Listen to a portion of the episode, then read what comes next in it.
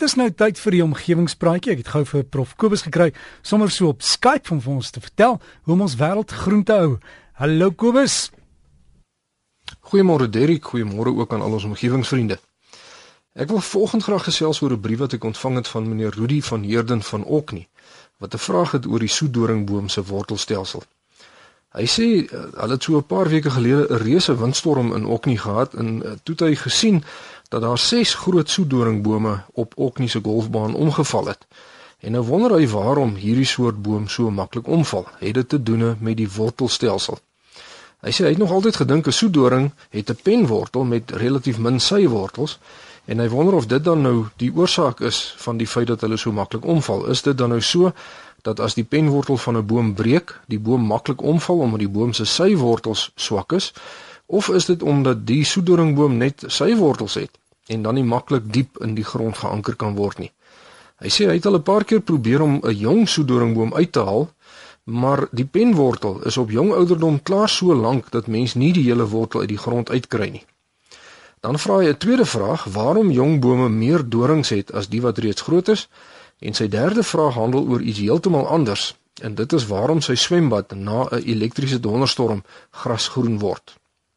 Nou ja, baie dankie meneer Rudi van Heerden vir die vraag.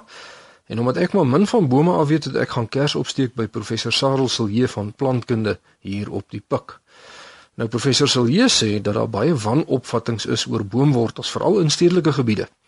Hy sê die diepte en die wyte van boomwortels uh, hang af van die beskikbaarheid van suurstof, water en voedingsstowwe en ook die kompaksie van die grond. So oor die algemeen is dit dus omgewingsfaktore wat die eienskappe van 'n boom se wortelstelsel bepaal en dit is meestal nie spesies spesifiek nie. So as 'n boom nou diep water moet kry, dan sal sy wortels diep groei. Andersins bly die wortels vlak. So as ons nou kyk na die vraag oor die penwortelstelsel van die soedoringboom, dan is dit so dat wanneer die saad van enige dikotiele plant en dit sluit die meeste bome in, as die saad nou ontkiem, dan vorm dit aanvanklik aanvanklik 'n penwortelstelsel. Maar dit beteken nie noodwendig dat daar by volwassenheid een lang dik wortel is wat diep in die grond ingroei nie want soos genoem hang dit af van omgewingsfaktore. In baie klipprige grond gebeur dit dus dikwels dat 'n penwortel nie diep afgroei nie. Prof Silje sê dat dit moeilik is om die vraag oor waarom die soedoringbome op Oknie se golfbaan nou maklik omgeval het te beantwoord sonder om self te gaan kyk presies wat daar aangaan. Maar hy moet dat om hy vermoed dat omgewingsfaktore op die golfbaan eenvoudig so is dat die wortels nie sodanig ontwikkel het dat dit erge storms kan hanteer nie. Soedoring se wortels groei egter gewoonlik baie wyd uit. Maar nou is dit ook so dat soedorings lief is vir leemgrond en dit mag wees dat die grondstruktuur eenvoudig nie stewig genoeg is om sterk wind te, te weerstaan nie. Baie dankie Prof Sarel Silje vir u uh, kennis en u wysheid. En ek het so 'n bietjie verder gaan oplees oor die saak want dit is eintlik nogal interessant. Ek hou daarvan om goed te probeer kwantifiseer, met ander woorde om sommetjies te maak. En ek het al baie keer as die wind so sterk waai, by myself gestaan en wonder hoe sterk 'n boom se wortels moet wees sodat die boom nie omwaai nie. So die vraag van meneer van Heerden het my toe die geleentheid gegee om bietjie die wetenskap agter die saak te gaan bestudeer. En die beginsel is eintlik redelik eenvoudig want die draaimoment wat op die wortels van 'n boom uitgeoefen word, is die produk van die hoogte van die boom vermenigvuldig met die krag wat die wind op die boom uitoefen. Maar in praktyk is dit glad nie so eenvoudig nie omdat verskillende bome verskillende hoogtes, diktes en ook verskillende digthede het wat meer of minder uh, minder wind deurlaat. En verder is daar ook 'n verskil tussen dinamiese en statiese kragte wat op 'n boom uitgeoefen word. Takke wat willekeurig uitfase in die wind rondswaai, demp gewoonlik die totale statiese krag tot 'n mate. Maar sodra die beweging in fase geskied, kan dit natuurlik net die spreekwoordelike laaste strooi wees wat die kameel se rug breek. By groot bome het die massa van die stam 'n baie groot stabiliserende effek, maar by kleiner bome is die effek natuurlik afwesig. In elk geval sonder om te tegnies te raak oor die saak, is dit interessant dat navorsing wat in Australië gedoen is op 250 groot bome gewys het dat as jy 'n kabel aan 'n boom vasmaak en jy probeer hom omtrek, met ander woorde jy oefen 'n statiese krag op hom uit, dan loop die boom die gevaar om om te val sodra die grondoppervlak rondom die stam 'n kanteling van slegs 'n kwart graad ondergaan. Maar as die wind waai en die takke swaai heen en weer, met ander woorde 'n dinamiese krag word op die boom uitgeoefen, dan sal die boom gewoonlik bly staan totdat die kanteling van die grondoppervlak langs die stam in die orde van 1,4 grade is. En die rede daarvoor is dat die dinamiese windkrag nie konstant is nie, maar in kort veranderende pulse op die boom uitgeoefen word.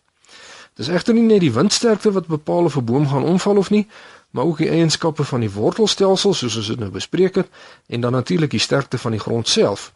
En die sterkte van die grond word beïnvloed deur die tipe grond, die diepte van die grond, die voggehalte van die grond en ook die topografie.